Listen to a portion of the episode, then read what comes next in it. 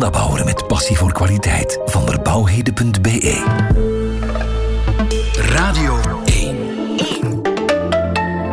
Friedel Lassage. Touché. Touché vandaag met de artistiek directeur van Europalia, Dirk Vermalen. Goedemorgen. Goedemorgen. En die is van de week geopend, hè. Uh, Europalia, deze editie, de vijftigste editie van uh, Europalia, met als gastland Roemenië. En uh, die is geopend met een overzichtstentoonstelling van werk van Brancusi. Mocht jij openen in de nabijheid van grote en hoge gasten, hoe is dat gegaan?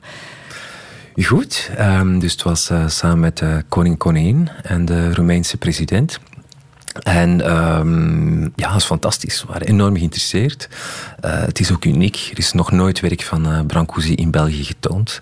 En uh, ja, in alle bescheidenheid ben ik er toch wel heel trots op dat we, dat we daarin geslaagd zijn als, als festival, als Europalia, om zijn werk naar hier te brengen. Ja, Brancusi, dat is maar één van de vele dingen die onder de noemer van Europalia Roemenië te zien zullen zijn. Hè? Wat doen jullie nog meer? Goh, er zijn een hele hoop andere events. het is een multidisciplinair festival, dus zeker niet alleen tentoonstellingen. Tentoonstellingen over heel het land, maar ook uh, schitterende muziekevents. Uh, heel veel nieuwe creaties, ook binnen de podiumkunsten. Een literatuurprogramma en ook een, een fantastisch retrospectief filmprogramma voor de allereerste keer van deze omvang. en, en Roemeense cinema is, is, is ongelooflijk. Het behoort tot de top van Europa en daar ben ik ook ontzettend blij mee. Ja, het is ook de vijftigste verjaardag hè, van Europalia. Ja, het is niet de vijftigste editie. de 27e editie. Het is de 27e editie, maar we zijn inderdaad het festival is gesticht in 1969. Um, door, um, ja, met het idee was de jonge uh, Europese economische gemeenschap. Uh, en toen waren er een paar verlichte geesten die zeiden van ja, als we gaan samenleven uh, met, met een aantal landen, dan is het belangrijk om elkaar beter te leren kennen. Er is geen betere manier dan, om dat, dan dat via de cultuur te doen. En een nobele missie die, die tot vandaag zeker, zeker geldig is, die we anders invullen, maar die zeker nog geldig is. Ja. Het is ook een tweejaarlijks festival met een paar uitzonderingen. Uh, als we terugkijken op. Ja. Ja, was oorspronkelijk uh, inderdaad tweejaarlijks. Um, in de jaren negentig is daar verandering in gekomen. Is er, uh, is er iets misgelopen. Uh, was er een Europalia Turkije geprogrammeerd. Dat is afgeblazen. En dan is er een herfinanciering gebeurd en een, een beslissing om jaarlijks festivals te laten doorgaan. Er zijn dan kleinere festivals geweest tot, tot 2003. Dan is er een nieuw, een nieuw team gekomen, een nieuwe directie en heeft dan beslist van oké, okay, we gaan het terug tweejaarlijks doen. Dat is ook de enige manier om, om de tijd te nemen om goede festivals voor te bereiden. En sindsdien zijn we, zijn we terug op tweejaarlijks ritme. Ja, en jij bent sinds wanneer artistiek directeur? Uh, ik ben er sinds 2003, maar zeker niet sinds, uh, sinds toen artistiek directeur. Dat is sinds een, uh, een vijf, zestal jaar. Ehm, ik ben begonnen als, als assistent tentoonstellingen in 2003 en dan doorgegroeid tot directeur tentoonstellingen en nu sinds een aantal jaar artistiek directeur. Ja. Hoe zou jij jezelf omschrijven? Um, een stukje introvert alleszins. -hmm. um, wat, uh, wat soms een zwakte is, denk ik, in, in, in, uh, uh, in een tijd van, van roepers, zou ik zeggen, in dit, in dit tijdsgewricht. Um, maar soms ook een sterkte. ik, ben, ik ben eerder afwachtend. Ik, ik, ik, ik luister graag. Um, ik vorm eerst graag een opinie. Uh, breng graag nuances aan eer ik... Uh, je voelt denk ik ook dat ik, uh, dat ik niet zo spontaan spreek. Hè. Dus ik, ik, ja. Um, Goed mee, dus um, dat, is, dat is zeker een, een aspect. heel nieuwsgierig. Mocht ik niet nieuwsgierig zijn, dan zou ik deze job niet doen. En mochten ze mij deze job ook niet geven, vind ik. Uh, nieuwsgierig naar andere culturen. Nieuwsgierig om uh, daar iets over te brengen. Om opnieuw die nuances aan te brengen. Gedreven. Uh, moet je, moet je ook zijn in deze job. Uh, doorzetten. Hè. Drie jaar geleden, uh, toen ik zei, uh, ja, we willen een tentoonstelling over Brancusi doen, verklaarde me absoluut gek. Ja? en dat was een extra drive. Oké, okay, we gaan dat toch doen, we gaan ervoor. En, en het is dan toch gelukt. Ja. En al deze eigenschappen, heb je die kunnen gebruiken bij het ontvangen van ons koningspaar afgelopen dinsdag? Ehm, ja, ik denk het wel. Ja, dat stukje introverte moet je dan wel laten varen. Ehm, en moet je... Ehm, ja, moet je... En, dat lukt dan wel, ja. Liever achter de schermen dus dan, dan voor de schermen. Hè? Want ondertussen zijn jullie al bezig met volgende edities van Europalia. Hè? Ja, ja uh, dat moet. Je hebt heel wat voorbereidingstijd nodig. we zijn met twee festivals tegelijkertijd bezig. En daar breken we terug een klein beetje dat, uh, dat tweejaarlijkse ritme. Um, in 2021, dus wel binnen twee jaar, hebben we een apart festival. Dat gaat over spoorwegen, dus niet over een land. Uh -huh. um, en in 22 jaar nadien een festival over Georgië. Ja, een man die zo met de wereld bezig is moet een goed oriëntatievermogen hebben. Helemaal. Alles behalve. Dat, is een, dat is een zeer grote frustratie. Ja? Uh, dat lukt me niet. En dat, dat is nog het grappige. Toen ik, een, toen ik pas nog een rondleiding gaf, zei ik, ja, in die vitrine ziet u dat werk en uh, rechts daarvan ziet u dat werk. En, uh, nee, het is links, Dirk. Het is links. Het was dat blijft dus rechts, links, oriëntatie. Geen flauw idee. Dat is echt een, een chip die, die ik mis. Dirk Vermalen, welkom in Touché.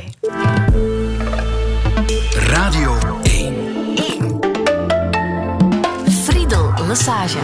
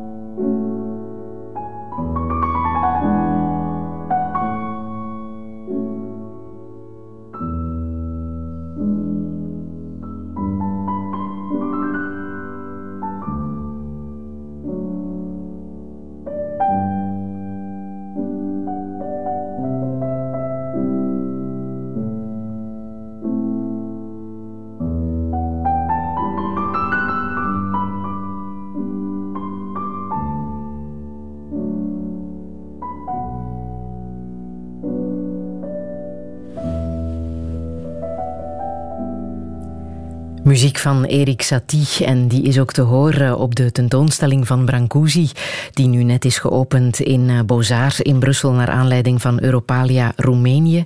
Dirk Vermalen, daar is een reden voor hè, waarom muziek van Satie te horen is tijdens de tentoonstelling. Erik Satie was een goede vriend van Brancusi.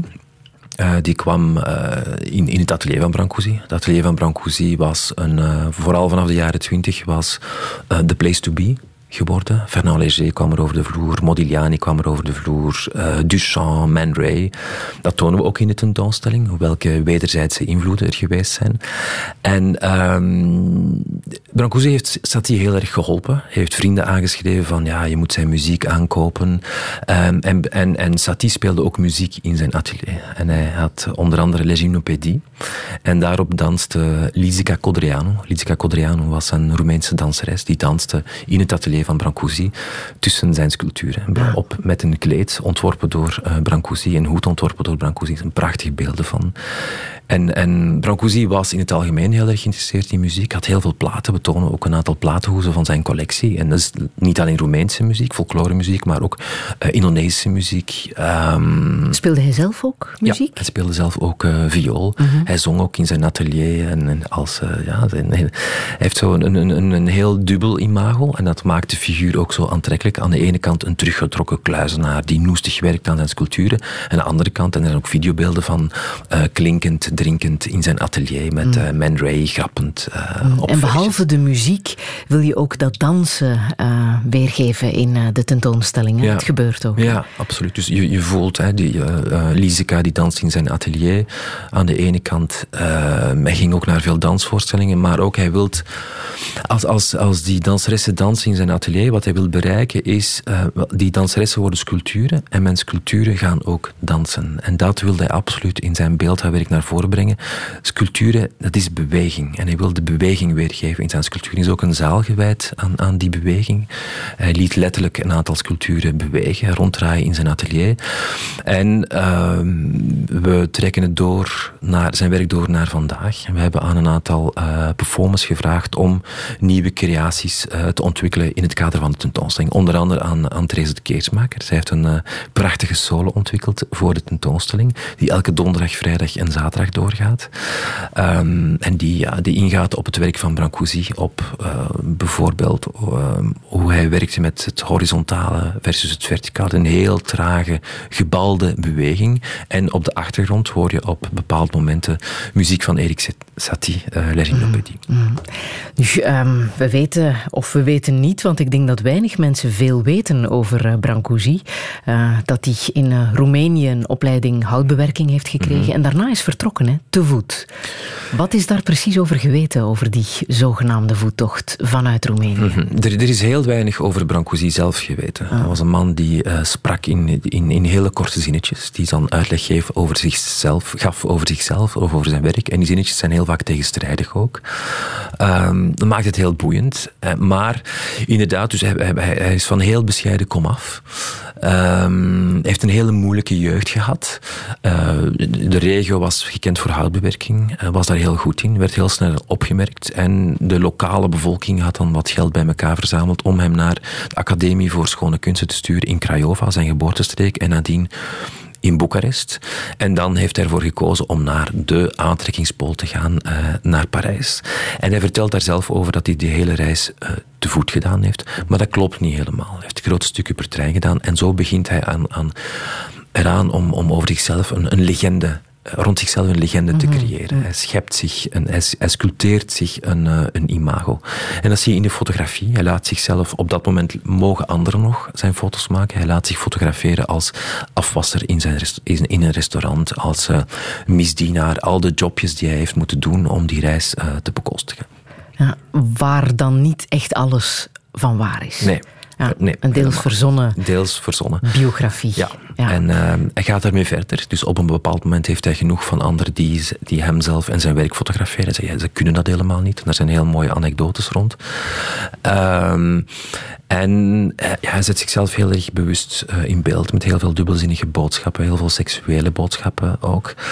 Um, dus en, en dat tonen we ook in de tentoonstelling. Brancusi is vooral bekend als beeldhouwer. Uh, we tonen topstukken die van over heel de wereld komen, maar daarnaast ook zijn fotografie. En dat is de eerste zaal, gaat over zichzelf, is een introductie tot hem, van hoe bracht hij zichzelf in beeld. En die foto's zouden dienen om een autobiografie te schrijven, die nooit, die nooit geschreven is. Dus die foto's dienen ons om een verhaal op te maken van wat, wat, wat was zijn verhaal. En aan de andere kant zijn die foto's belangrijk om zijn beeldhouwwerk te duiden. Um, dus eerst liet hij die fotograferen door, door andere uh, fotografen. Maar op een bepaald moment dus, uh, is er een fotograaf en die strooit poeder op gepolijst bronzen werken. Om de reflectie uit het werk te halen. En Brancusi wordt woest en zegt, nu ga je uit mijn atelier. En nu is het genoeg. Ik wil net die reflectie in die foto's. Die harde reflectie. Die de materialiteit, die het solide uit de foto's halen. En die de beweging erin uitdrukken. En vanaf nu fotografeer, fotografeer ik mijn werk zelf. En daarom is die fotografie zo belangrijk in de tentoonstelling. En dat is nog nooit gebeurd. Die zegt eigenlijk, zo moet je mijn werk bekijken. En dat is wat ik wil dat je ziet uh, mm -hmm. in mijn werk. Ja. Was het dan een aangename man? Ik heb er mijn twijfels over. Ja? Um, kon heel, kon heel, um, was heel dubbel, denk ik. Um, was leuk om mee te feesten. maar kon ook heel nors zijn. Ja, maar hij wist wel wat zijn kwaliteit was. Hè? Want toen hij aankwam in Parijs, 1904, mm -hmm. werkte hij aanvankelijk in het atelier van Rodin. Uh, hij wist, onder een hoge boom kan ik niet groeien, dus daar moest hij van onderuit. Ja. Ja. Hij wist al heel snel, ik ben zelf wel iets waard. Ja, ja. Hij, voelde, hij was eerst nog bij een andere uh, beeldhouwer, bij Antonin Mercier, die echt in het academisme zat. -hmm. um, waar uh, Brancusi moest werken naar model.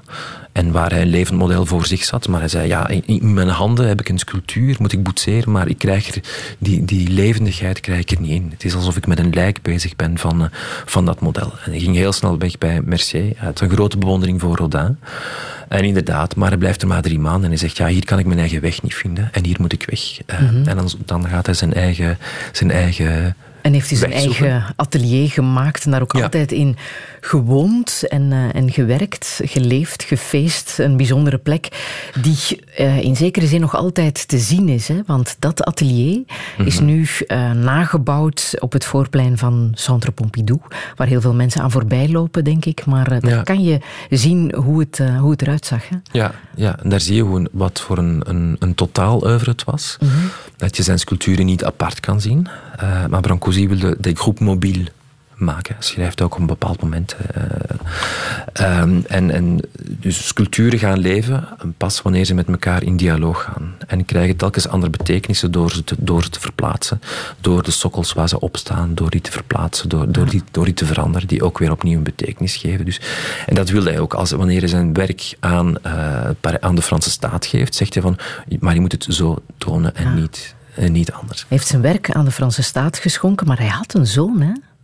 Hij had een zoon en dat sluit een beetje aan bij de vraag: uh, was hij een aangename man? Um, hij had een zoon, maar hij heeft hij nooit erkend.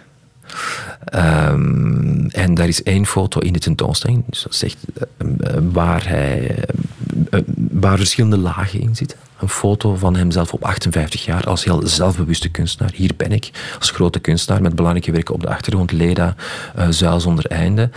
En daarop plakte een andere foto. En dat is een foto van een uh, uitgedroogde boomstronk in zijn atelier, waar hij wilde, die hij wilde gebruiken voor een sculptuur, maar waar plots jonge scheuten aankomen. Uitkomen. En hij stuurt die foto naar Vera Moore en hij maakt er ook een tekening van de kus op. Uh, op het moment dat uh, zijn zoon geboren wordt, dat zij bevalt van, uh, van zijn zoon. Um, om te zeggen van ja, uit een oude, oude man kunnen nog, kunnen nog jonge kinderen voortkomen. Uit een oude boom komen nog jonge scheuten. Maar hij herkent de zoon nooit. De zoon wordt aangegeven als John, Constant, John Constantine Brancusi Moore. Maar ja, wordt, nooit, wordt nooit erkend door Brancusi. Heb je die nog kunnen traceren? Ben je daar naar op zoek gegaan? Uh, de man is ondertussen ook gestorven, dus uh, daar hebben we jammer genoeg geen contact mee kunnen ja, Wij zeggen Brancusi, maar jij weet hoe je het echt uitspreekt. Brancusi. Brancusi. Op zijn Roemeens. Ja, hm. voilà, dat weten we dan ook weer. Grenouille, grenouille, grenouille, grenouille, grenouille, De kikkertjes, de kikkertjes zijn aardig om te zien. De kikkertjes, de kikkertjes zijn aardig om te zien. Les petits grenouilles, les petits grenouilles sont chouettes à regarder. Les petits grenouilles, les petits grenouilles sont chouettes à regarder. Oh, quoi, quoi, quoi, quoi, quoi, quoi, quoi, quoi, quoi,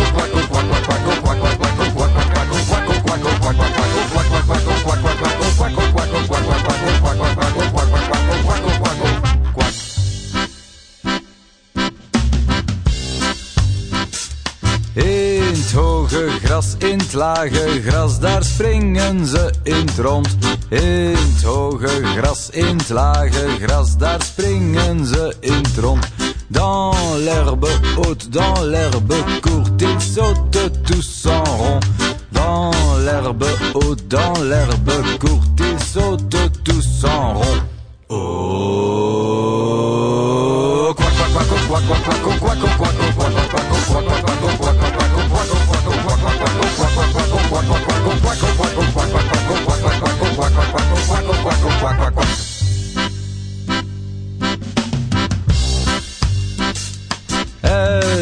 Moederpuit en vaderput zijn vier op hun schavuit. En en vaderput zijn vier op hun schavuit. De petits yeux, de petits oreilles, une bouche et eh, un. Ah, de petits yeux, de petits oreilles, une bouche et eh, un ah, nez. Oh, quoi, quoi, quoi, quoi, quoi, quoi.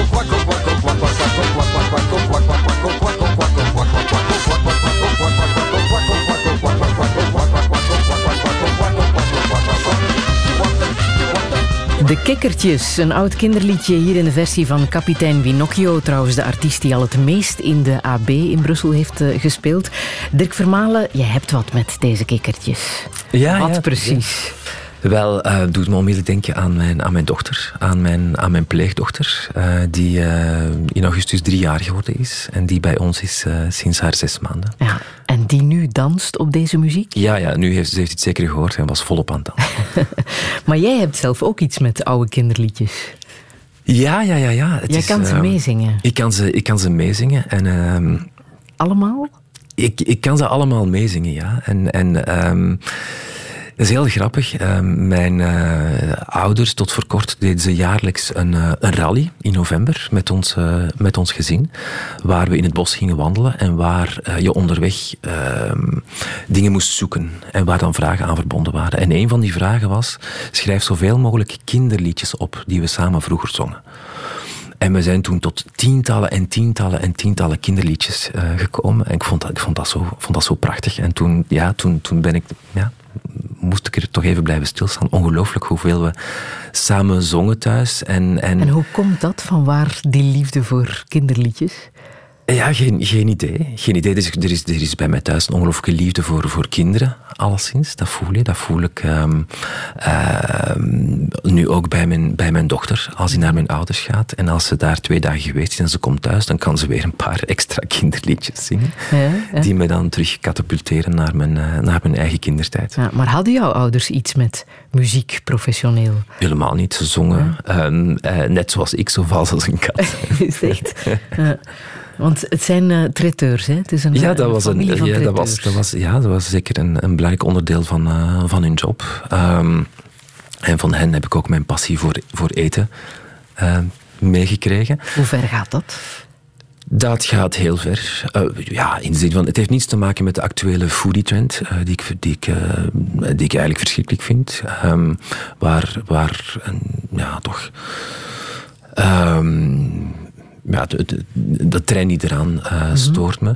Maar gaat, gaat zover dat ik, dat ik het belangrijk vind om, om elke dag uh, vers te koken.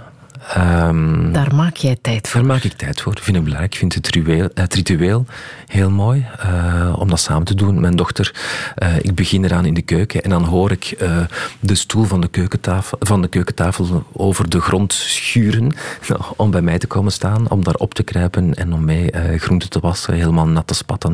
En ik vind het belangrijk dat ze dat meedoet. Heel leuk. Ze ruikt ook aan heel veel dingen. Ze gaat mee in de tuin, ze knipt rozemarijn, ze eet rozemarijn. Um, en gaat voor mij samen met uh, heel veel dingen proeven en ruiken. En ruiken vind ik heel belangrijk zintuig. Een zintuig dat we vaak verloren zijn. Uh, ik ruik aan veel dingen in de tuin, in het park. En zij doet dat ook. Ik vind dat heel leuk om te zien uh, dat ze dat ook doet. Um, Als je zelf je kruiden hebt, heb je dan ook een moestuin? ik, heb, ik, ik, woon in Brussel, dus dat is... Dat is, dat is een beetje moeilijk.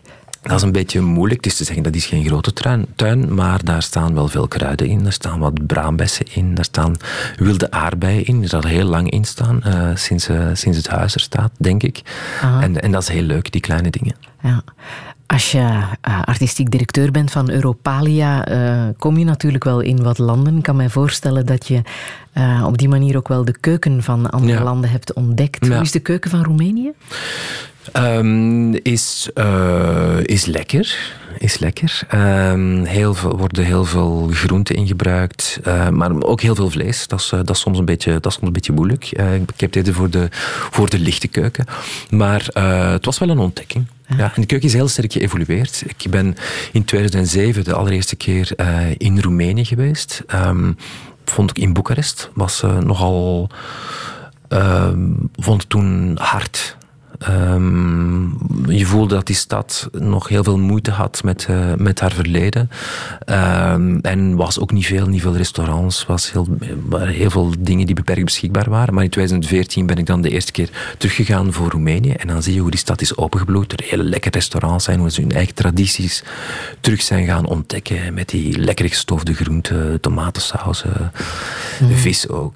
Uh, maar je hebt al heel wat landen uh, mogen ontdekken via Europalia. Is er zo eentje dat er qua uh, uh, voedingscultuur of eetcultuur uitschiet? India zeker en vast. Ja? Een land dat ik heel erg mist. Een fantastische eetcultuur. Heel, heel, heel verscheidene eetcultuur natuurlijk. En het is een eentje waar ik enorm naar uitkijk. In 2022 is het Europalia Georgië. En ik ben er een paar maanden geleden voor de allereerste keer geweest. En ik vond die keuken een fantastische ontdekking. Met heel veel Midden-Oosterse invloeden, uh, invloeden van de, van de omringende landen. Een hele pure keuken, waar heel veel verse kruiden gebruikt worden. Um, en de oudste wijncultuur ter wereld. Dus daar ah, kijk ik... Uh, kijk ik enorm naar uit. Ah, en toeval wilde, een tijdje geleden ontdekte ik dat René Redzepi van Noma, dat die zei dat dat is echt de volgende ontdekking uh, die ons te wachten staat, de Georgische keuken. En ik ben het helemaal met hem eens. Ja, als Redzepi het zegt, ja, dat is niet de minste.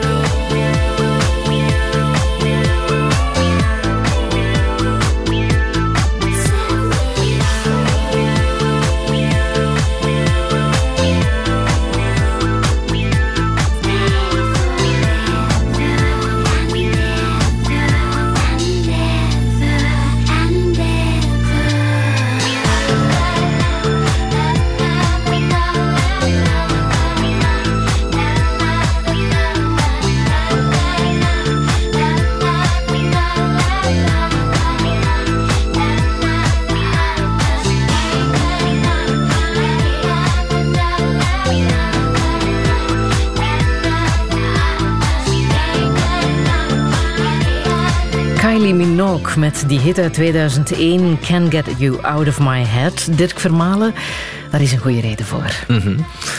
Ehm, ja, het is geen nummer dat ik, uh, dat ik nog spontaan opzet, maar um, het doet me aan heel veel terugdenken. Het doet me glimlachen. Het, het, was het lied van een Erasmusjaar.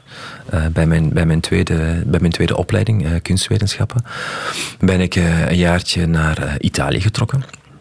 Naar Pisa, Um, en dat was het nummer dat weer klonk op, uh, op alle feestjes. En het staat voor mij symbool voor belangrijke beslissingen en grote veranderingen in mijn leven. Het is, uh, ik, denk dat, ik denk dat ik daar opengebloeid ben, vrij laat. Um, ik heb daar hele goede vrienden leren kennen. Um, dus ik zelf, een Zwitser en een Italiaan. Het lijkt het begin van een mop. Er was eens een Belg, een Zwitser en, een, en een Italiaan. Ja. Het, het, was ook vaak heel grappig. Het was een hele leuke, leuke vriendschap die echt, en vandaag zien we elkaar nog zo vaak, uh, zo vaak mogelijk. En aan de andere kant betekende dat het begin van Europalia. Ik, ik, sprak Italiaans, ook door, ik, had, ik heb eerst vertaler-tolk gedaan, Italiaans gestudeerd en dan kunstgeschiedenis. En ik zag dan in de krant dat het Europalia Italië zou zijn. En ik heb dan spontaan gesolliciteerd. En zo is de bal aan het rollen gegaan. Ben ik bij Italië begonnen en, en blijven plakken tot nu. Um, het is ook, ook net nadien uit Italië op, als andere mens teruggekomen, denk ik. En stond ik open voor een, eh, voor een relatie. En ik heb toen mijn, uh, mijn huidige partner leren kennen, 16 jaar geleden. Dus, ja, ja, en weet je wat daar dan speelde? Dat dat in Italië pas is gebeurd? Dat je Italië nodig had om jezelf te vinden? Ik, ik, hou, ik hou enorm van Italië. Ik ben heel vroeg begonnen, ik zat nog in het secundair, om Italiaanse avondles te volgen. Ben enorm aangesproken door de cultuur. Ik weet, eh, ik weet niet waarom. Enfin, ik weet niet waarom. Het is ook een fantastische cultuur. um, en ja, door die sterke vriendschappen daar, denk ik. Uh, waar je een hele goede band krijgt. Uh, en, en die, je, die met heel complementaire vrienden die je doen, die je doen, die je doen openbloeien. Ja. ja. En ja, mijn... Um, studies waar ik enorm in opgegaan ben, die ik heel graag deed, kunstgeschiedenis. Uh, um, ik heb daar ook onderzoek gedaan uh, in Firenze. Uh, in het Deutsches Kunsthistorisches Instituut. En, en dat was ook een, een, belangrijke vraag. Ga ik op dat pad verder? Ga ik eerder onderzoek? Ik heb dan kans gekregen om een, om een doctoraat te gaan doen in, in Venetië. Maar daar is er ook een belangrijke beslissing geweest. Nee, ik ga eerder op het terrein werken en, en ik, blijf bij, ik blijf bij Europalia. Ja, en ondertussen artistiek directeur. En nu de vijftigste verjaardag aan het vieren van, van Europalia. Um, jij wil vooral voorbij gaan aan de clichés, hè? als een mhm. land in de kijker wordt gezet. Hoe doe je dat bijvoorbeeld bij uh, Roemenië? Want de clichés die wij kennen van Roemenië is mhm. denk ik Dracula en Ceausescu. Mhm. En daar houdt het zo wat bij op. Hè? Ja. Hoe erg is dat? Dat is heel erg. Um, dat begint bij prospectie. Ja. Die clichés bestonden bij mij ook, zeker en vast. Um, uh, ja, je gaat, je, gaat, je gaat naar het land reizen. Je gaat uh, artiesten bezoeken, je gaat curatoren bezoeken. Je spreekt met mensen hier, met de Romeinse diaspora. Um, en je... Um, ja, dat is de enige manier. Mm -hmm. um, het, het, het, uh, je gaat niet... En, en je gaat met de partners hier spreken. En op welke manier heb jij Roemenië leren kennen? Wat voor land is het voor jou? Um, met een hele. Um, maar daar zitten een aantal, denk ik, clichés in. Uh, die waar zijn, maar die wij van op een foute manier bekijken. Vanuit ons uh, heel. Um, eurocentrisch uh, kijken. En, en, een, en, een rode draad die we heel sterk in het festival steken, is die centrum en periferie. Dus Roemenië ligt aan de, aan de periferie van de Europese Unie. En onze blik daarop is ook heel, uh, is ook van ja, dat is perifere kunst. Maar bijvoorbeeld folklore en traditie is heel belangrijk in, in Roemenië. Iets dat wij verloren, verloren zijn. Je voelt bij kunstenaars vandaag dat ze daar terug naar op zoek gaan. En ik vond het interessant om daar rond te werken. Om dat te gaan combineren met uh, hedendaagse kunst en nieuwe creaties opbouwen. En gaan nadenken van ja, wat kan het belang nog zijn van folklore en traditie. Op een kritische manier, want er is ook heel commerciële folklore. Er is ook folklore die misbruikt geweest is in de communistische periode. Folklore die vandaag ook in een heel rechtspolitiek discours misbruikt wordt. Maar um, je, gaat, je, je gebruikt clichés uh, als, als locomotief, denk ik, maar om dan een heel ander beeld uh, van de cultuur proberen te brengen. Nu, het is dit jaar ook 30 jaar geleden dat uh, Ceausescu ja, hoe moeten we het zeggen, van zijn troon is gevallen. Ehm, op welke manier is Roemenië daaruit ehm, ja, op, opgestaan uit dat drama, uit die dramatische periode? Dat is een, dat is een hele moeilijke erfenis die je, die je vandaag nog voelt. Um, je voelt in, als je naar de beeldende kunst kijkt, voel je dat, dat dat heel sterk bleef terugkomen gedurende een lange periode. Het is ook nog niet zo lang, 30 jaar is niet veel. Mm De laatste generatie voel je dat, het meer, dat ze meer geglobaliseerd gaan willen werken, uh, andere thema's willen aansnijden. Um, en als ik kijk naar de mensen met wie we samengewerkt hebben, met de Romein in de straat, voel je um, mensen die, de, die die communistische periode bewust hebben meegemaakt, maar zelfs de volgende generatie, voel je een heel sterk wantrouwen. Uh, je mag niet vergeten dat er, sommigen zeggen 1 op 3, anderen 1 op 2, dat 1 op 2 bij de Securitate zat. Dus daar is een, een, wantrouwen dat je heel sterk voelt van ja, die persoon, wat, gaat, wat kan ik daartegen zeggen? Dus je voelt een, uh, um, een, een, terughoudendheid, je voelt um, een wantrouwigheid tegenover het systeem. Tegenover wat kan ik vertellen, soms niet altijd eerlijk zijn, waarheid verdoezelen uit angst om van ja, wat, wat gaan ze denken. En dan, dat is soms moeilijk geweest om, om, uh, om samen te werken. Heb je persoonlijke verhalen ook gehoord van mensen die die periode van Ceausescu hebben doorgemaakt en daar onder geleden hebben? Ja, absoluut. Uh, periode van Ceausescu en net, en, uh, net uh, nadien, in de jaren negentig, de extreme -hmm. armoede die er geweest is. -hmm. en, en dan ja, heel, heel, veel, en heel veel Roemenen die, die weggetrokken zijn uit het land. Een hele groot. En, en, en um, ja, een, een, een weggaan van een, uh, van een intelligentia. Uh, heel vaak ook uit elkaar gerukte gezinnen. families, vaders, moeders die weg moeten trekken, die die kinderen achterlaten bij de grootmoeders omdat ze moeten gaan werken om geld te gaan verdienen. Dus hele, hele aan, mm. aangrijpende verhalen. Ook heel veel mensen zijn naar België gekomen. Hè? Ja. Uh, de grootste bevolkingsgroep ja. in uh, uh, België van migranten, dat zijn Roemenen. Ja. Meer dan Franse, Nederlanders en, en Italianen. Mm -hmm. dus Europalia wordt sowieso een succes. Ja, ja, ik hoop het. Ik hoop het. Um, en, en vind het ook belangrijk om die groep te, om die groep te, te betrekken. En zijn ook, ze zijn ook enorm geïnteresseerd, moet ik zeggen. Mm -hmm. Um, als we kijken naar de geschiedenis van Europalia, zijn het lang niet Europese landen die daar in de kijker uh, hebben gestaan. Hè? Hoe komt dat? Indonesië is aan bod gekomen, Japan. Hoe komt het dat Europalia ook buiten de Europese grenzen... Het was inderdaad eerst de bedoeling om, om vooral rond Europa te werken. En dan in 1989 uh, heeft Japan zijn kandidatuur gesteld. En uh, gelukkig, dat is heel mooi, heeft de toenmalige ploeg erop gezegd ja, vinden we een fantastisch idee. En dus de horizonten zijn verbreed. En nadien uh, is er inderdaad, hebben China gedaan, Brazilië gedaan, India recent. ja, die dialoog tussen culturen is ook nodig met, met niet-Europese landen en zegt heel heel veel over jezelf. -hmm. uh, ik denk dan terug aan ons uh, Indonesisch festival, waar je een belangrijk verhaal hebt van kolonialisme. Um, dat, vandaag nog een, uh, dat vandaag nog een rol speelt. En waarbij ik het belangrijk vind om, om, om daarover na te denken. Wat is onze rol geweest en hoe speelt die rol vandaag nog, hoe, hoe, speelt het vandaag nog een rol in Indonesië zelf, in de perceptie van, van Indonesië? Want hoe belangrijk is Europalia op dit moment nog? Wat moeten wij of kunnen wij nog leren? Um, heel veel over onszelf. Um, dat is wat ik, um, wat ik net. wat ik sinds een aantal jaren probeer in te steken. Sinds 2013, uh, sinds India, uh, was er een tentoonstelling uh, die ik gecureerd heb met Deepak Anand. die heette Indomania. En het ging over hoe, um, hoe kunstenaars um, India verbeeld hebben en hoe die onze perceptie op India beïnvloed hebben. Um, en hoe dat tot vandaag een, een, rol speelt. Mm. dus het is een bevraging van onze eigen verbeelding um, van, uh, van landen en van onze eigen dominante koloniale rol, mhm. koloniale, koloniserende rol.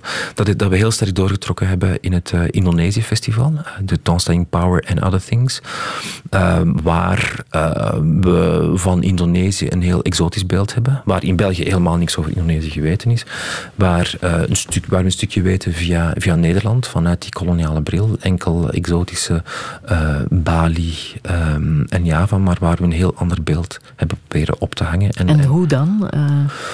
Wel, um, we hebben onder andere heel veel Indonesische kunstenaars uitgenodigd om in Indonesische collecties in Europa te komen werken. Met de vraagstelling, hoe worden wij hier voorgesteld? Um, hoe worden onze objecten hier tentoongesteld? Is dat nog altijd op een heel koloniale, is dat nog altijd op een heel exotische manier? En hoe kunnen we dat gaan verhelpen? En daar hebben we heel veel nieuwe creaties rond opgezet, die we in een tentoonstelling gebracht hebben, maar ook veel muziekcreaties, um, heel veel, daar heel sterk rond gewerkt in, in, in de podium podiumkunsten ook in, in binnen de literatuur. Ja.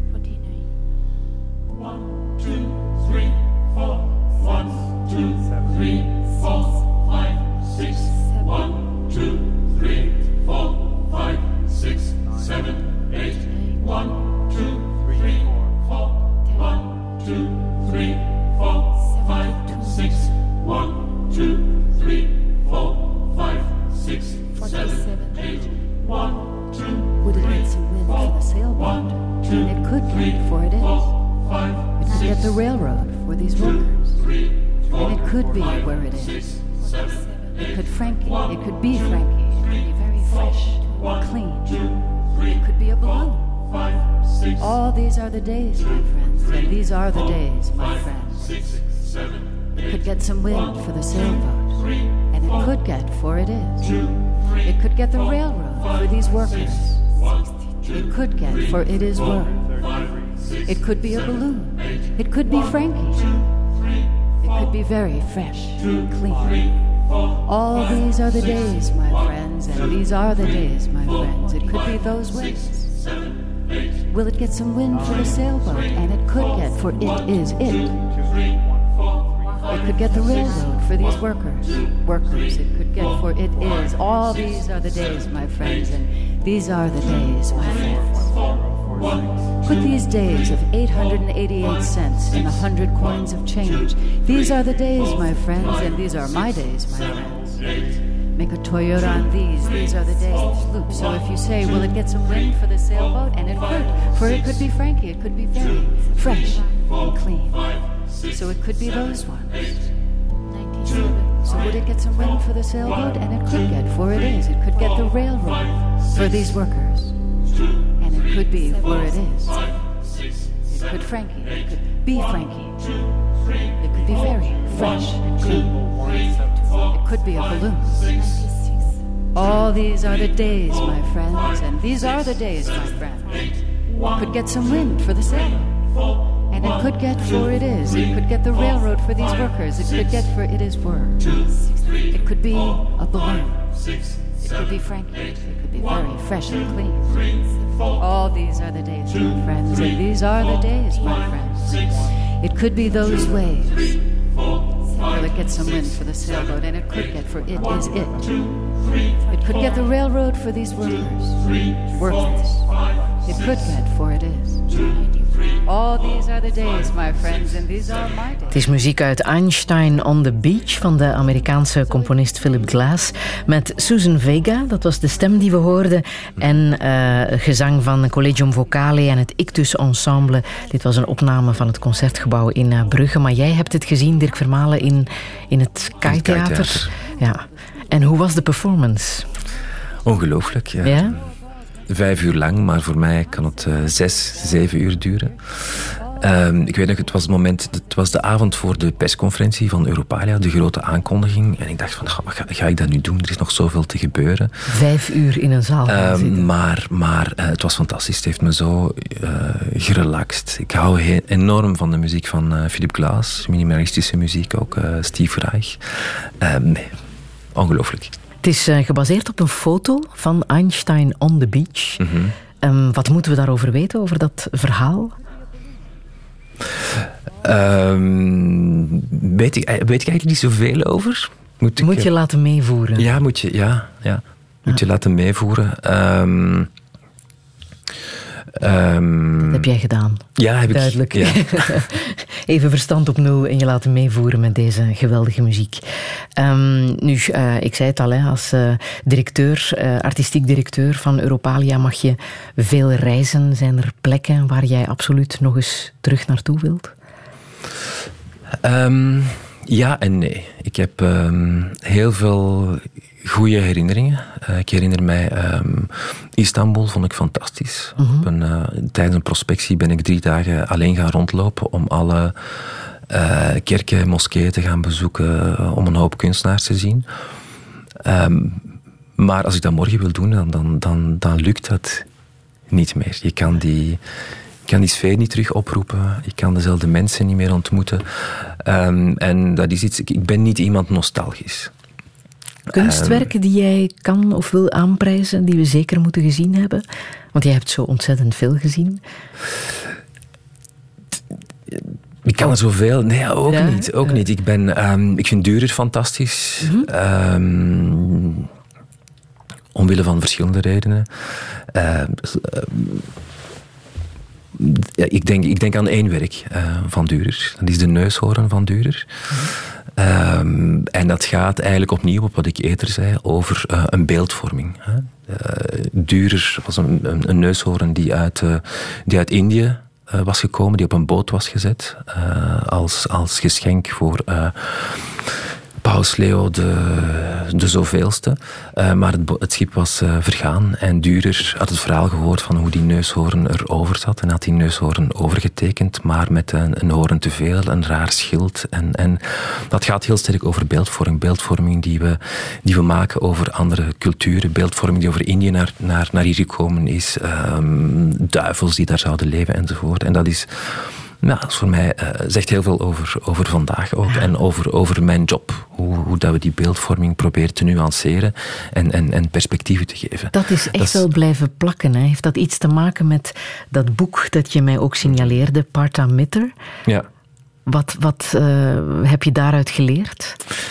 Dat, dat um, ja, heeft mijn denken doen, doen veranderen. Inderdaad, het verhaal over, over Durer, over die, over die neushoorn staat daarin. Dus het verhaal start in 1492, wanneer Vasco da Gama via Kaap de Goede Hoop um, de, de zeevaartroute naar, naar Indië openmaakt, waar er heel veel reizigers naar Indië gaan en hun verhalen naar hier komen. En geconfronteerd worden met uh, hindoeïsme, met allerlei rare sculpturen, uh, schrikwekkende sculpturen uh, ook, die er uitzien als monsters. En dat is het beeld dat ze ophangen van Indië. En de missionarissen die daar naartoe gaan, maken daar natuurlijk gretig gebruik van.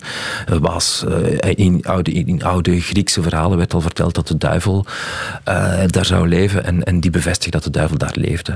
Um, en, en, en daarin zie je hoe, hoe van toen al foute beelden werden opgehangen, uh, koloniale misvormde beelden hebben, hebben, zijn gevormd geweest die tot, die tot vandaag doorleven. Ja, en dat boek heet Much Maligned Monsters. Monsters.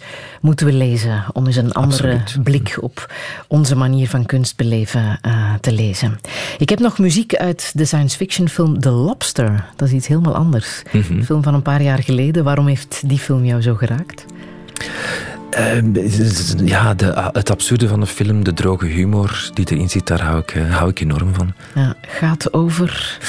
Gaat over, uh, is ergens uh, in, een, in, een, in een toekomst gezet en gaat over vrijgezellen die absoluut een partner moeten vinden, verplicht door het systeem. En als ze geen partner vinden, dan gaan ze in een, in een dier veranderen, een dier van hun keuze, en worden ze uitgezet in het bos. En ja, gaat over um, de, de, de, druk die in de maatschappij gezet wordt op vrijgezellen, op, het, op het moeten vinden van een partner, maar heeft ook ook heel veel, denk ik, verborgen boodschappen over uh, druk, uh, verplichtingen uh, van autoritaire regimes.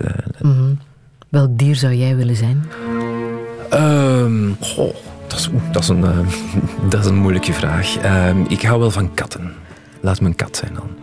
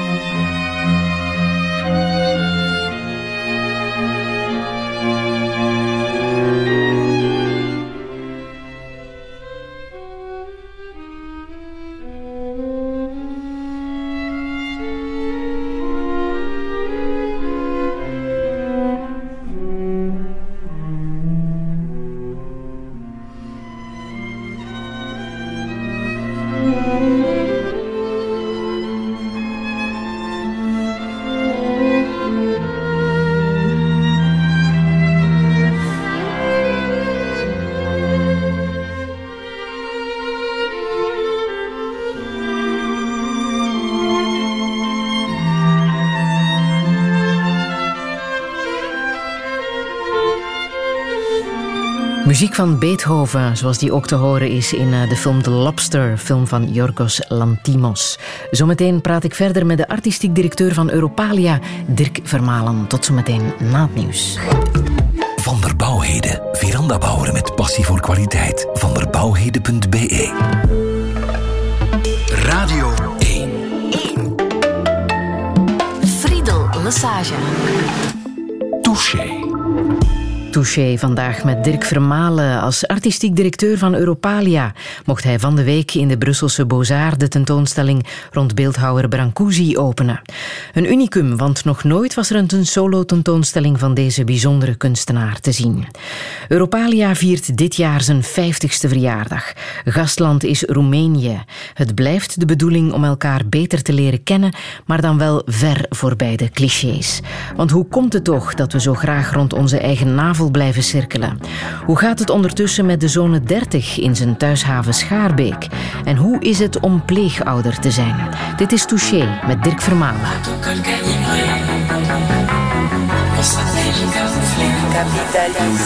J'ai rencontré le diable.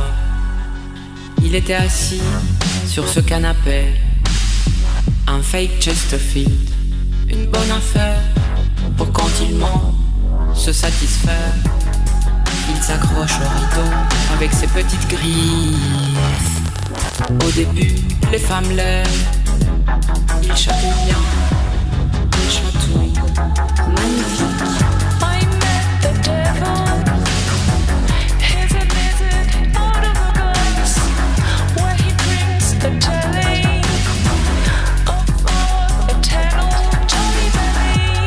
Les ombres sont ses meilleurs alliés dans le clair-obscur de notre destinée.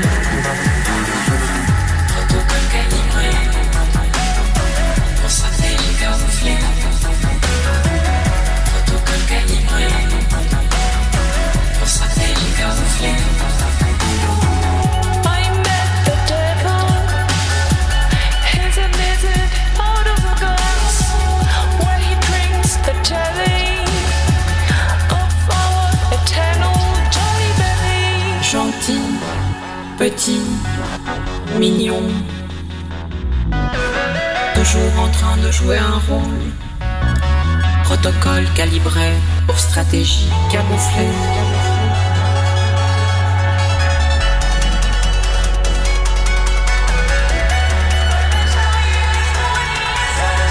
Protocole calibré pour stratégie camouflée.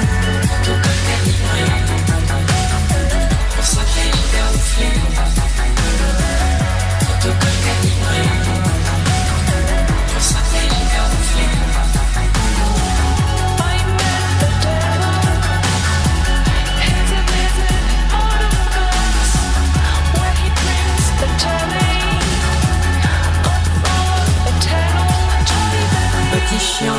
dessiné comme une tomate, une circulaire de service.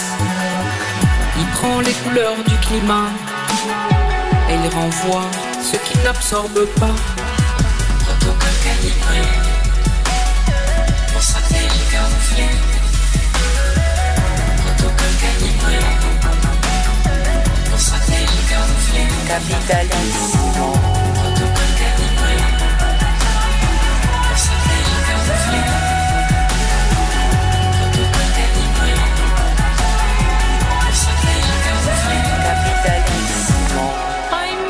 Imposture van eh, Claudia Radulescu. Dirk Vermalen, jij weet hier alles over. Ja, Het is een heel bijzonder nummer. het is een bijzonder nummer. Ehm, het is een nummer dat speciaal in het kader van ons festival gemaakt wordt. En meer bepaald in het kader van ons project Europalia Curators Award. En dat is, een, eh, dat is een unieke prijs. Die we, dat is nu de derde editie. En ehm, de naam ze- zegt het zelf. Het is een prijs voor curatoren, voor opkomende curatoren. Omdat je merkt in België, kwamen tot die vaststelling, ja, er zijn altijd dezelfde curatoren die terugkomen. Ehm, en eh, nieuwe curatoren komen zo moeilijk aan, aan de bak. En dus een prijs eh, ter waarde van 25.000 euro. Uh, we doen een open call. Uh, dus projecten worden toegestuurd. Uh, curatoren zeggen van kijk, ik wil graag rond dat thema met die artiesten werken. En ze worden dan geselecteerd um, door een jury van junior curatoren uit heel België. Dus niet opnieuw de senior curatoren, dezelfde namen, maar junior curatoren. En zij mogen dan het project ontwikkelen en op residentie gaan in het gastland.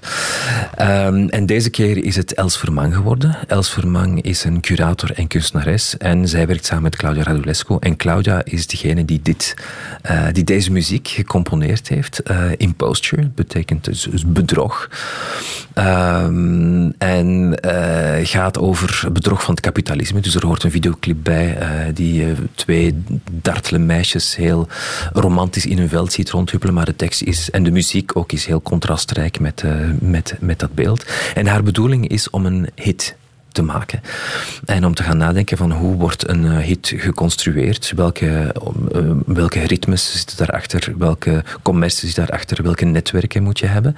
Dus daar zijn we nu volop mee bezig. Dus iedereen moet het uh, nummer downloaden. Ja, want wanneer is het nummer gelanceerd? Het nummer is een tijdje geleden gelanceerd. Um, en nu zetten we daar sinds, ja, sinds, het sinds het begin van het mm -hmm. festival, sinds vorige week, zetten we er volop verder op in.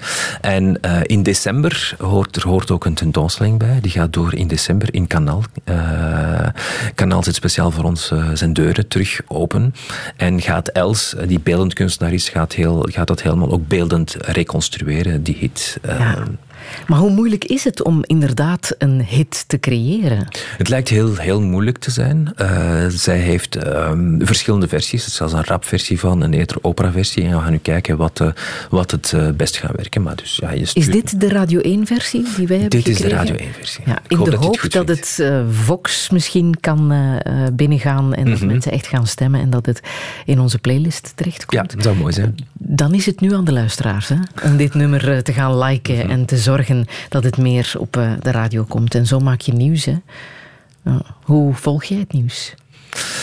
Um, zo goed mogelijk door naar de radio te luisteren. Mm-hmm. Uh, sociale media, uh, de kranten. Heel klassiek. Ik hou ervan om, om, om de krant te lezen, papier nog. Dirk Vermalen, dit zat van de week in het nieuws. Nationaal vielen er in de eerste zes maanden van dit jaar ook 48 fietsdoden te betreuren. Nooit eerder waren er dat meer in ons land. En vooral in Wallonië was de balans ja, heel zwaar. Die cijfers kan je niet anders beschouwen dan een wake-up call voor de hele maatschappij om van verkeersveiligheid een prioriteit te maken. Touché. Het was uh, Stef Willems van uh, Vias. Het aantal mm -hmm. fietsdoden is gestegen. Wat raakt jou het meest in dit uh, bericht? Het zit heel dicht bij mij. Hè. gaat, het is heel problematisch in Brussel en dan meer specifiek in, in Schaarbeek. Enorm veel verkeersslachtoffers, veel wandelaars, fietsers. die slachtoffer worden van, van verkeer. Ehm, ja, daar word ik toch kwaad van. Um, wordt heel weinig aan gedaan, vind ik zelf. Uh, als je kijkt naar de, naar de aanleg van de, de Molderlaan in Schaarbeek, is enorm veel plaats om een uh, fietspad te maken. Dat, dat, dat komt er maar niet. Wordt niets gedaan aan de verkeersdruk, uh, de autodruk. Ik ben daar teleurgesteld in het, in, het, in het beleid van Groen. Als je kijkt naar um, iets heel concreets, gaat dan over de autodruk. Om een jaar abonnement ja, op het parkeren van je auto te hebben in Schaarbeek betaal je 28 euro. Een bewonerskaart heet dat, ja, hè? Voor um, automobilisten. Ja. En 28 euro. 28 euro. En uh, voor iedereen die een rijbewijs heeft in je gezin kan je zo'n uh, abonnement nemen, dat dan iets duurder wordt per tweede auto. Uh, maar goed, maar een gevelbreedte is eigenlijk maar voor één auto. Dus wat doe je met al die andere auto's? En een uh, abonnement op een fietsenstalling in zo'n box kost uh, 60 euro per jaar. En dan, dat, vind, dat vind ik onbegrijpelijk.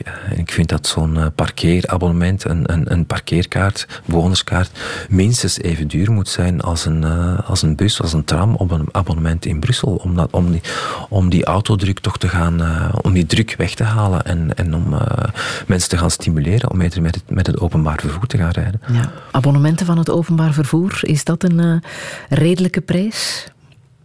Uh, misschien kan dat wel een stukje naar beneden, denk ik, ja. ja. Dat zou helpen. Ja, zou zeker helpen. Ja, om mensen uit die auto te krijgen. Ja. ja. In Schaarbeek is er ook een uh, burgercollectief, mm -hmm. 1030 mm -hmm. um, omdat er inderdaad al zoveel verkeersdoden zijn, uh, zijn gevallen. Um, heb jij daar uh, concrete buren? Uh... Ja, ik, ik, ik, ik, volg het heel sterk op. Uh, mijn, mijn straat ook heel. Uh, -hmm. verschillende mensen in mijn straat. Ook omdat mijn overbuur is zelf slachtoffer geworden met zijn dochtertje van, uh, van, een verkeers, van zo'n verkeersongeval. Dus we hebben aan een aantal manifestaties deelgenomen. Ehm, en zij proberen heel sterk, maar zij, binnen het beleid stoten zij toch op heel veel, op heel veel moeilijkheden. Wordt er gezwaaid met, met allerlei rapporten. Ik weet niet wat allemaal. En, uh, ja, ehm, ik vind dat je voelt dat, er, dat het electoraat een te grote rol speelt. Van dat, dat, dat politici bang zijn om, om, uh, om uh, concrete beslissingen te nemen. Beslissingen die grote veranderingen doorbrengen. Uit angst van ja, ik ga stemmen verliezen bij, uh, mm. bij de volgende verkiezingen. Het is natuurlijk ook een gewoonte aanpassing. Hè? Ja. Er wordt nu gewerkt aan een uh, fietspad uh, mm -hmm. langs de Kleine Ring in Brussel. Uh, afgelopen week zijn daar de betonnen jerseys al mm -hmm. verplaatst en zijn toch mensen terug gaan parkeren op die gele fietszone. Um, blijkbaar heel erg moeilijk om gewoontes om te turnen en ja. een fietspad een fietspad te laten zijn. Ja, ja. Um, wij hebben zelf beslist een aantal jaar geleden om de auto aan de kant te laten staan. En dat is, dat is, wel, uh, dat is wel even een aanpassing. Maar uh, je bent het, het heel snel gewoon. Het openbare vervoer werkt goed. Uh, vrij goed. Uh, ook heel veel te voet gaan doen is ongelooflijk goed voor je conditie. Uh, is, uh, is voor, ik, ik vind het fantastisch. Zo, ik, ik, ik zelf woon heel dicht, heel dicht. Ik woon op een half uur stappen van, van het werk. En elke dag, dat te voet? Elke dag doe ik dat te ja? voet. Een half uur op, s ochtends word ik heel goed wakker van. Kom ik fris aan en s'avonds vergeet je al je zorgen en kom je weer fris aan. Op, Daar zijn voordelen aan verbonden. Ja. ja. En uh, de Bozar is natuurlijk ook op wandelafstand van het Centraal Station. En mensen hoeven helemaal niet met de auto naar Brussel te komen. Absoluut. Zo gemakkelijk is het.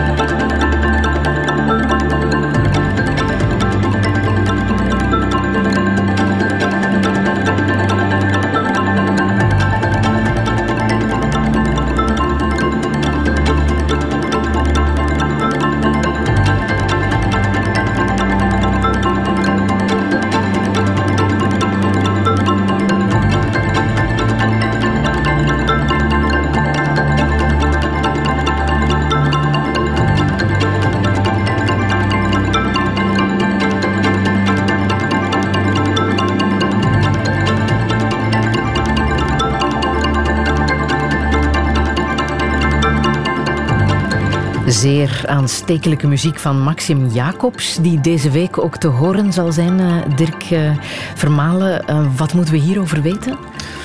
Ehm, dit project heet Kinema Icon, met, eh, waar tien muzikanten bij betrokken zijn. Vijf Roemeense en vijf Belgische muzikanten. En Kinema Icon verwijst naar een kunstenaarscollectief in Roemenië. Een collectief dat tijdens het communisme, waar de, de personen die erbij betrokken waren, die werkten voor het communisme, voor Ceausescu. Eh, waren cineasten. En ze hielden stukjes tape achter. Heel clandestien, was gevaarlijk ook. En met die stukjes tapes gingen ze, tape gingen ze experimenteren. Gingen ze experimentele, eh, abstracte films maken. En dat zijn unieke echt unieke documenten die nog nooit, eh, die nog nooit, die heel klein beetje binnen Roemenië getoond zijn, maar nog nooit erbuiten. En op die films hebben ze toen muziek geplakt. Muziek dat ze zo vonden. En vandaag eh, zijn er problemen zijn daar voor de rechten, dus die kan niet zomaar opnieuw gespeeld worden. En dus hebben gevraagd aan eh, muzikanten om daar nieuwe eh, soundtracks bij te maken. En Maxime Jacob is, is een van die muzikanten van de vijf Belgen. En eh, is een hele jonge muzikant, is maar 25 jaar oud. En ik vind dat hij fantastisch werk geleverd heeft. Is heel, eh, Te zien en te horen van de week in eh, Vooruit en in de Beurschapburg in Ja. Brussel. En dat is een van de 260 activiteiten die te zien zijn binnen Europalia. Ook veel voor kinderen trouwens. Heel veel voor kinderen Ja? bij verschillende partners. En, heel, en concreet, bij Brancusi is er de studio ABC. Die prachtige ABC-studio, waar kinderen een heel klein beetje Brancusi kunnen Mhm. zijn. Is jouw dochter daar al eh, langs geweest? Ze is er zeker al langs geweest. Ja? Ja? Ja. En ze was heel erg betrokken bij de voorbereiding. Er lagen heel veel boeken thuis. Ze was heel gefascineerd door de vormen. En eh, ze, is, ze is beginnen tekenen en, en, en kleuren en, en beginnen plakken. Dat is heel leuk om te zien. Ja, ze is drie nu, hè? Ja, Ja. net drie geworden. ja. Een pleegdochter, Een pleegdochter. zei je. Ehm, waarom wou je pleegouder worden? Ehm, wel, we, hebben eerst gedacht aan, aan adoptie. Eh, we wilden al heel lang een, een kind, maar adoptie was, is niet zo makkelijk. Eh, is niet zo makkelijk voor, in, in het algemeen voor een heterokoppel, omwille van de, een aantal dingen, omwille van de wachttijd. wachttijd. Ehm, we zijn ook iets, iets ouder. Dat betekent dat ze naar gelang je leeftijd ook een, een bepaalde leeftijd van een kind aan jou koppelen. En we wilden echt een, een, een jong kind. Dus dat zou betekenen dat we een kind zouden nu als adoptieouder van, ik denk van een acht jaar of zoiets. Dat is verschillend in het, in het pleegouderparcours. Ehm, en eh, we zijn dan onderzoek gaan doen. Eh, wat, wat, wat houdt dat in? En dan kom je tot. Er is, er is vorig jaar een campagne geweest van de Rode Duivels, Duivels en rond dat pleegouderschap. En er zijn 600 kinderen in België die wachten op een pleegoudergezin. En ehm, ja, voelden we echt, ja, dit moeten we doen. We moeten op zijn minst één van die 600 kinderen aan een, aan een warm gezin helpen. Ehm, dat, is een, ehm, dat is een moeilijk parcours geweest. Ehm, Ja, want wat zijn de voorwaarden? Eh, waaraan moet je voldoen het, het, begint, te wel, het begint op dezelfde manier als voor adoptieouders. Ja. Er, wordt, er gebeurt eerst een screening, eh, wat heel belangrijk is. Er zijn vijf sessies met een uh, psychologe en een sociale assistent. Die, die na elke sessie kunnen zeggen: Ja, sorry, uh, dit is niet geschikt voor jullie. En waarvan wij, en na elke sessie konden wij ook zeggen: Ja, dit is te moeilijk voor ons uh, en wij gaan er ook niet mee verder. Um, en na die vijf sessies um, gaan ze op zoek naar een, naar een kind voor jou. En dat is snel gegaan. En dat is wel het verschil met, met adoptie. De procedure is, is, is veel korter. We zijn in september uh, zijn we begonnen aan die sessies. En um, in uh, januari wisten we al dat, uh, dat ons meisje aan ons zou, zou gekoppeld worden. Dat is inderdaad heel snel. Ja, hè? dat is heel ja. snel. Ja. Ja. En was je daar klaar voor? Ja, we waren er klaar voor. Ehm, Ja en nee, want je weet, ja... ja ik zie jou denken.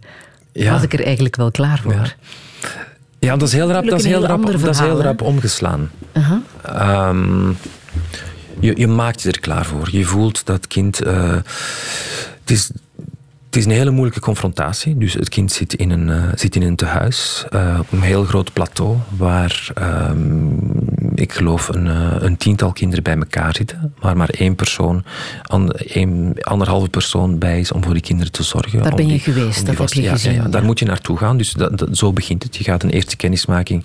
Een eerste kennismaking waar je een, eh, een uurtje bij, bij je kind blijft. Ehm, en zo wordt het stilaan opgebouwd. Dat, dat je kind eh, zich begint te, aan begint te hechten aan jou. Ehm, en dat is iets heel belangrijks, dat hechtingsproces. Iets waar je heel veel aandacht aan moet besteden. Ehm, Wat heb je daaruit geleerd? Want het is natuurlijk niet jouw kind, hè? Uit dat hechtingsproces. ehm, hoe kan je zoiets ja, bewerkstelligen? Maar dat loopt, een beetje, dat loopt heel erg samen met adoptiekinderen, maar ook met biologische kinderen. Ehm, je moet je, wat heel erg, waar je heel erg voor moet oppassen, is dat je aan jezelf denkt. Ik wil, eh, ik wil liefde van een kind en ik wil graag gezien worden. Maar je moet het kind in de eerste plaats stellen. Je moet eerst zorgen dat het kind weet, ehm, ik krijg op tijd eh, eten. Ehm, ik, krijg, ik krijg structuur. Structuur was heel belangrijk. Dus, ehm, en wat ons gezegd was van zorg de eerste maanden dat jullie je opsluiten in een kokon. En dat het kind begrijpt, dit is mijn kokon en ik ga weer niet van het huis naar daar en ergens anders naartoe. En hoe jong het kind ook is, een, een, baby is heel intelligent en voelt dingen heel sterk aan. Toen we haar eh eerste keer zagen in het tehuis, was het was, eh, een, een, een, een kleine baby die haar twee vuistjes zo op haar borst hield. Ter, te- zo gekneld, ter, Ter bes- ter verdediging, verdediging ja. van ja, ik moet voor mezelf zorgen. En heel stilletjes aan, en dat hebben we gedaan door, weet ik nog, heb ik mijn hand onder die, onder die vuistjes gestoken om, om, om, om, dat, om die bescherming over te nemen. Eh, en stilletjes aan zijn die handjes opgegaan en is, eh, is ze nu opengebloed tot een heel open kind die altijd met haar armen zwaait en die armen gaan nooit, eh, gaan nooit meer dicht. Hoe zeker ben je dat ze bij jullie kan blijven? Wel, je hebt, je hebt verschillende eh, mogelijkheden binnen het pleegouderschap. Je hebt opvang, opvang van noodprocedures, waarbij bijvoorbeeld een ouder heel ziek wordt en waar je gaat helpen. Dat is 45 dagen, dan heb je middellang, dat is 90 dagen. En bij ons is het middellange of lange periode. Het zijn contracten die jaarlijks eh, vernieuwd worden. Ehm, maar ehm, je weet, binnen zo'n, binnen zo'n context weet je wel dat in de meerderheid van de gevallen dat eh, een kind bij jou blijft tot meerderjarigheid of, eh, of langer. En in hoeverre wordt er contact gehouden met de biologische ouders? Elke maand hebben we een contact met, met de biologische moeder. ehm, waar ook een psycholoog en een sociaal assistente bij is. En waar wij zelf ook, eh, ook bij zijn. Wat, wat, ehm, wat confronterend is, eh, wat niet altijd evident is. Maar ehm, zo gaat je kind ook heel goed beseffen waarom ze bij jou is. En, en gaat. En kinderen zijn intelligent hè, en begrijpen waarom die ouder niet zo goed voor haar kan zorgen. eh, en, dat het, en dat er mensen beslist hebben van ja, het is beter dat ik, ehm, dat ik bij die twee papa's ben. Ja. Begrijpt ze ook waarom ze twee papa's heeft gekregen? Dat, dat, dat- wel, het is belangrijk dat je dat vertelt. Hè? Dat je vertelt van kijk, er zijn eh, in je klas er zijn eh, vooral heel veel kindjes met een papa en een mama. Maar eh, ja, wij zijn twee papa's. Dat geef je heel snel mee. En ze is daar heel blij mee. En ze vindt dat ook, ze is daar zelfs trots over, voelen we. En in de klas zijn er ook, is er ook een meisje met twee mama's. En, en dat helpt dan. voilà, dat, is een, dat, is een, dat is een andere situatie. Krijg jij daar reacties op? Heel veel, heel veel positieve eh, reacties.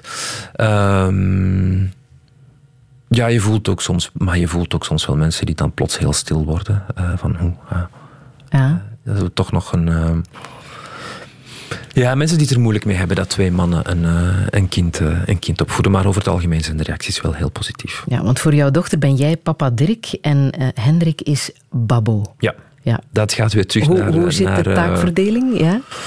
Eh, Babbo gaat weer terug naar die Italiaanse connectie. En Babbo is eh, in het Italiaans, of toch in een deel van Italië, betekent, betekent papa.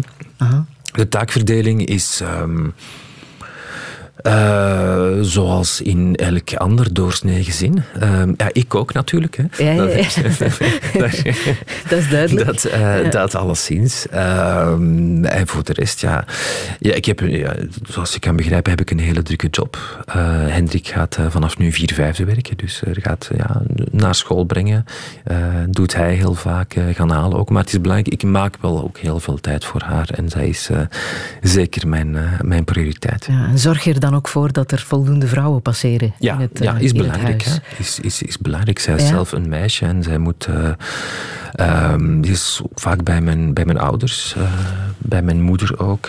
Ik heb ook een zus, heel vaak bij mijn zus. Mijn zus heeft een dochter, dus daar is zeker een, een vrouwelijke aanwezigheid. Is belangrijk. En komt daar ooit nog een broertje of een zusje bij? Dat is een goede vraag, die, waar we, mm, die vaak door ons hoofd, die, die, vaak, die vaak terugkomt. Ehm, maar je moet zeker zijn dat je ook voor een tweede kind even goed kan zorgen, denk ik. Ehm, eh, dat is een kind die uit een hele andere context ook gaat komen, een hele andere situatie. En moet je goed nadenken, ja, gaan die contexten gaan die goed bij elkaar? bij- Mm. Want bij zijn dat staan? Doffies zorgenkinderen, pleegkinderen? Die achtergrond is, is, is, absoluut, eh, is absoluut zorgelijk. Maar eh, het kind zelf eh, eh, hoeft dat daarom zeker niet te zijn. Mm, Die ervaring hebben jullie niet. Nee. Ja, het is geen zorgenkind. Het is absoluut geen zorgenkind. Nee.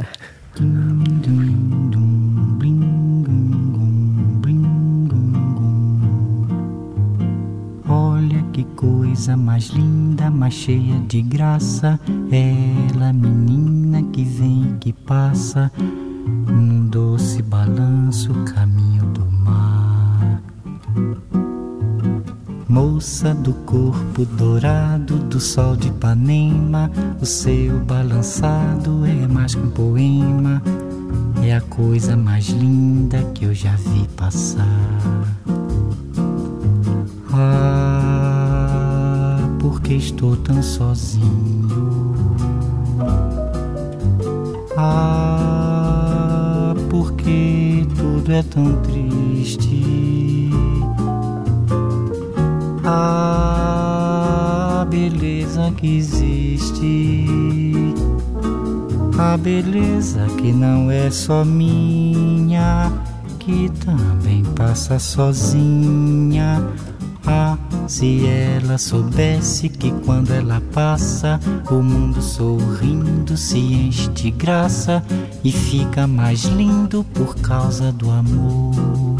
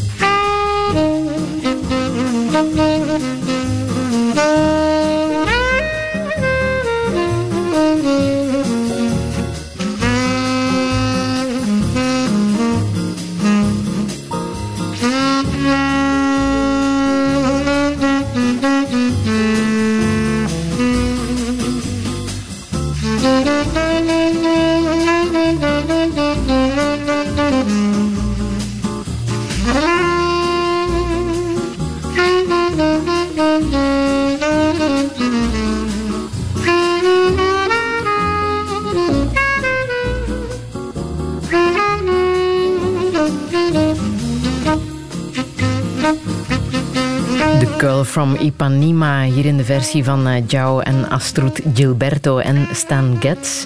João Gilberto stierf afgelopen zomer, maar eh, dit nummer trotseert natuurlijk de eeuwigheid. Dirk Vermalen, het heeft ook een bijzondere betekenis voor jou. Ja, ehm, ik vind het op zich een heel mooi nummer. Ehm, en het eh, doet me terugdenken aan Brazilië. Een aantal jaren geleden een festival rond Brazilië gedaan. Ehm, fantastisch mooie cultuur. Ongelooflijke muziekscène. Die bossa nova onder andere, waar, waar dit deel van uitmaakt. Ehm, en, maar ik word nu ook triestig als ik, aan het, als ik het nummer hoor. Eh, omwille van de situatie in, in Brazilië. Ehm, politieke situatie met Bolsonaro. Hoe, ehm, en er één stuk in, in de Brancusi tentoonstelling komt eh, uit het MAM, het Museo de Arte Moderne in, eh, in Rio. En ik heb heel lang met de koerier gepraat eh, van het museum. En zij heeft me verteld hoe schrijnend het- het- de situatie van de cultuur is. Er komt helemaal geen, geen financiering meer voor cultuur. Het museum zelf heeft recent een Jackson Pollock, Pollock moeten verkopen om, om verder te kunnen leven. En ja, hoe het land eh, kapot gemaakt wordt. Eh, ook, eh, ook het Amazonewoud dat helemaal verder ontbost wordt. Ja, ja, mm, moeilijk. Waarin geloof jij? Ehm, het is al een paar keer teruggekomen in nuance. Ehm, klinkt een beetje wollig, komt misschien uit een, een wollig links discours, maar, maar denk ik eh, iets dat we zo erg nodig hebben. Eh, ook op sociale media voel je ehm, heel opinies die diametraal tegenover elkaar staan en, en die, die nuance mis ik. En dat gaat ook weer terug naar, naar de manier van programmeren. eh, de perspectieven, eh, nuances die ik in programma's wil, wil steken. Ehm, en nuances die je mist. ehm, eh, ja, ik had het er al over in, in, in de politiek, ook eh, in Brazilië, maar ook in Amerika. eh, Trump natuurlijk. En die. ehm, eh, eh, ja, het, het, het populisme dat alsmaar, alsmaar groeit. Ehm, heeft heel sterk te maken met, eh, met integri- integriteit. hè. Het zijn twee dingen waar ik in geloof: die nuancering en die integriteit. Ehm, wat heel sterk zoek is, vind ik. Ook Integriteit. gemerkt in het verhaal van Roemenië? Want die hebben ook een eh, behoorlijk zware tijd achter de rug. hè? Ja, ja wat, ik, eh, wat ik daar straks vertelde. eh, die integriteit is zoek. ehm, door wantrouwen, door heel veel leugens eh, die, die binnen dat communisme eh, leefden. Dus dat was soms moeilijk om je daarin terug te vinden. En ook recent, een aantal jaren geleden, is ook heel wat Ja. politieke commotie ontstaan rond frauduleuze praktijken. Ja. Ja, absoluut. Maar integriteit ook, ehm, ook dichter bij huis, eh, in, bij management van grote bedrijven en kleinere bedrijven, vind ik. Ehm, waar sloganesk gesproken wordt. Ehm, we moeten open zijn, we moeten solidair zijn. Eh, de deur, mijn deur staat altijd voor je open, maar dat je toch, eh, dat toch mist. Dat je heel erg transparante managementcursus praten voelt. En daar kan ik mij ongelooflijk, eh, ongelooflijk aan ergeren. Mhm, mhm. Wat doe jij ehm, om gezond te blijven? Wel, ik stap dus elke dag een uur, Ja. een half uur op naar, naar Europalia en een half uur terug. Ehm, daar blijft het bij. Ik heb niet veel tijd, eh, of ik maak eerlijk gezegd niet zoveel tijd voor meer, eh, voor meer sport. Ik ben ook Jij niet drinkt ook veel champagne. Ja, hm, wel, dat is denk ik. Ehm, ja, dat is heel gezond als je dat met mate doet. Ehm, Wat heb je met champagne? Ehm, dat is een, eh, een guilty pleasure. Zeker en vast. Ik ga elk jaar ehm, ga ik minstens één keer naar de champagnestreek. Heeft niets te maken met eh, ehm, het, het eh, pretentieuze dat er rondhangt. Eh, ik drink ook niet de heel commerciële vloeistoffen die op, op parties rijkelijk vloeien. Maar ik vind het fantastisch om, om hele kleine champagneboeren eh, te gaan ontmoeten. Die ook vaak op biodynamische manier werken. Die je meenemen naar de wijngaard. Die vertellen dat er ehm, wilde aardbeien groeien en allerlei kruiden onder, onder, de, onder de wijnstokken. En dat die de smaak kunnen beïnvloeden. En die, eh, die unieke dingen brouwen. Ik hou van hun, eh, van hun passie. En ik vind het fantastisch om, om, om de champagnestreek te doorkruisen. Om de verschillen te gaan proeven. Om, om lekkere restaurants te ontdekken. Elk Ja. jaar opnieuw. Terug naar de basis, terug naar waar het echt vandaan komt. Ja. Hoe kom jij tot rust? Eh, Ik denk een heel cliché antwoord door die smartphone eh, eindelijk eens af te zetten. eh, die voortdurend eh biept en, en, en trilt. Maar weinig mensen doen dat, hè? Echt uitzetten. Ja. ja. Jij wel. Ehm, wel, nu, nu is dat moeilijk. Een nu het wel, denk eh, ik, De ja. aanloop van het festival, Ja. nu het festival net begonnen is. Ehm, dus ik hoop eh, binnen een maand of zo, als het iets rustiger wordt, om dat toch iets vaker te doen. Eh, en eens even alleen te zijn. Ik denk dat ehm, dat is belangrijk. Mhm. Dat is belangrijk. Er gebeurt veel te weinig. En ik denk dat veel mensen dat eens vaker moeten doen. Wat doe je in de plaats als die gsm dan uitgaat? Welke Ehm, tijd en ruimte komt er dan vrij? Tijd, en, tijd om, een, om, een, eh, om een boek te lezen, om te gaan wandelen, eh, om je te vervelen. En ik denk dat verveelmomenten heel belangrijk zijn. Mensen kunnen dat niet meer. En als je gaat vervelen, dan komt die creativiteit terug en ga je denken aan, aan volgende projecten waar je, die je wil ontwikkelen, eh, aan volgende landen voor Europalia, aan, aan kunstenaars die je samen wilt brengen. Dat gebeurt op die, op die alleen momenten. Ja. En dan mag deze muziek ook klinken, denk ik.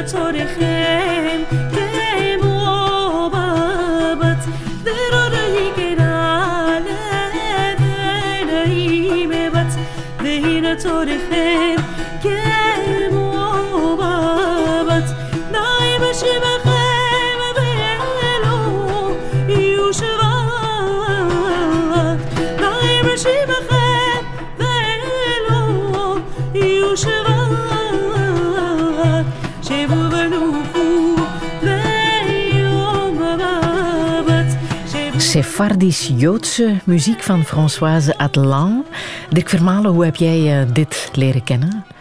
Samen met mijn man. Ehm, een, een paar jaar geleden. Op een zomeravond met de radio op. eh Sephardische muziek ontdekt. Ehm, en sindsdien eh, zijn we allebei hele grote fan. Ja? Ja, en het staat... ehm, ik denk dat het symbool staat voor onze, voor onze relatie. Dingen die we, die we samen ontdekken. Eh, hoe dat we elkaar eh, verder gevormd hebben. Hoe complement, complementair eh, dat we zijn. Gewoon, Mhm. Wat heeft hij al aan jou veranderd dan? Wel, hij is iemand die, die extravert is. Ja? Die heeft mij een beetje geholpen in mijn introvert zijn. Ik denk een stukje zelfzekerheid Mhm. gegeven. Ehm, een stukje twijfelen weggehaald. Ehm, en omgekeerd is hij een stukje meer gaan twijfelen af en toe. wat, wel, eh, wat wel leuk is. Ja, hoe zie je jezelf oud worden? Ehm, door, ik hoop verder te doen wat ik graag doe. En waar ik mee bezig ben, doe ik heel graag. Ik denk dat ik een van de meest fantastische jobs heb die, eh, die je kan inbeelden. Zo klinkt het zeker, hè? Ehm, en samen, samen met, eh, met mijn gezin, met, met Hendrik en met mijn, met mijn pleegdochter. Ehm, ik wil heel graag mijn pleegdochter verder zien opgroeien. Eh, het is nu al een fantastische meid, maar verder tot een eh, fantastische vrouw, ongetwijfeld. Ja. Ehm, ondertussen ben je al bezig met de volgende edities van eh, Europalia. Met Mhm. treinen over eh, twee jaar. Met de betekenis van spoorwegen. Ja, ja een hele, een hele ehm, apart festival, een hele uitdaging. gaat over eh, wat hebben de spoorwegen betekend voor, voor de ontwikkeling van de kunst. Wat is de relatie tussen spoorwegen en kunst? En de En ontwikkeling wat van de, is de relatie tussen spoorwegen van de en maatschappij. kunst? Er zijn heel veel linken. Hè. Als je naar de cinema kijkt, als je naar de literatuur kijkt. bij de ontwikkeling van de trein zie je heel veel invloeden in de schilderkunst. eh, ook, bij de, ook bij de futuristen. Maar het, het, het gaat natuurlijk niet iets puur iconografisch zijn. We gaan het veel ruimer maken. We gaan het ook over mobiliteit hebben. Wat kan de rol zijn van de, van de trein in de, in de toekomst? En met heel veel resistenties. Want dat is iets eh, wat ik probeer, wat ik echt, eh, wat er veranderd is in de loop van de tijd eh, binnen Europalia. Ik denk, we hebben het daar straks heel, heel even over gehad. Ehm, we zijn weggegaan van het idee van vitrinefestivals, van het idee van dat is een cultuur. We zijn heel sterk gaan inzetten op, ehm, op nieuwe creaties, op residenties, die ook. Eh, die ook moeten nadenken over duurzaamheid. Kunstenaars die blijven verder samenwerken, die blijven met venues samenwerken. En we gaan dus een eh, heleboel artiesten op de trein steken. Dat die hier vertrekken, dat die naar verschillende plekken in Europa gaan. Onderweg dat er andere kunstenaars opstappen, eh, hun ding doen. En bij aankomst voor publiek gaan spelen. Ook in, in venues die gelinkt zijn aan de stations enzovoort. En dat geldt ook voor mensen die willen komen kijken. Moeten ze ook de trein op over twee jaar om Europalia te zien? We hebben, we hebben eh, evenementen op vaste plaatsen, alleszins bij vaste partners eh, in België. Maar er gaan ook heel veel dingen op de treinen en in de stations gebeuren. Ja, Niks te vroeg, hè? Om de trein weer een beetje sexy te maken. niks te vroeg. Ja. Welke boodschap wil jij hier nog meegeven? Ehm, pick your battles. Mhm. Dat is iets, ehm, dat is een, eh, dat is een motto voor mij geworden. Een motto ehm, sinds Europalia Indonesië, wat, een, eh, wat voor mij een, ehm, het festival is waar we naartoe willen gaan. Een, een voorbeeld is van een, van een Europalia festival wat ik, wat ik wil blijven doen, omwille van al die residenties, de creaties die erin zaten. Maar het was een complex festival omwille van de, onder andere van de Indonesische bureaucratie. Een heel groot land. En ik had een, eh, een tegenhangster, artistieke directeur van, eh, van de Indonesische kant. En eh, die zei op tijd en stond, pick your battles. Laat ons dat nu even vergeten. En laat ons daar en daarop concentreren. En ik denk dat het een goede levensles is. Ik, Ja? denk, ik, ik was vroeger heel perfectionistisch. Ehm, een, een, een komma in een tekst was een probleem. En dat heb ik ook door de komst van mijn dochter. Kan ik nu stilaan eh, loslaten. eh, ook, ook veel aan anderen overlaten. Ik denk dat eh, ja. Ik heb nog muziek van Maria Raducanu. Daar Maria weet jij meer over. Mhm. We zullen het gewoon laten horen. Ja.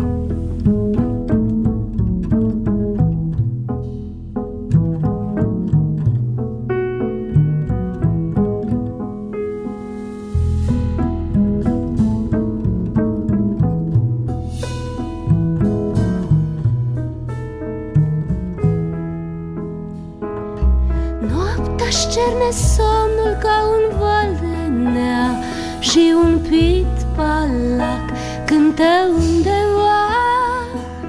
Ceasul din perete bate obosit Cu tic-tacul lui prăbușit. Într-o colivie un canar moțat Capul aripioare și-a culcat iar pe o floare în glastră și-a de neclintit Un mic fluture a dormit. Nu mai tu veghezi și vieții tăi Scumpe ochișori Luptă sub povara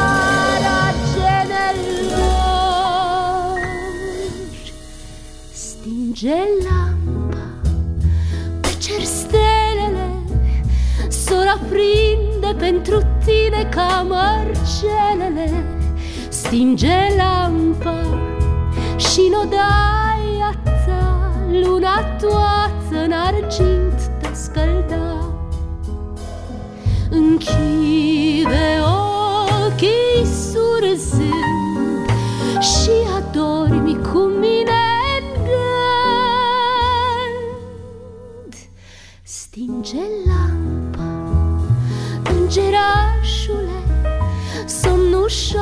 somos no chorco e choro.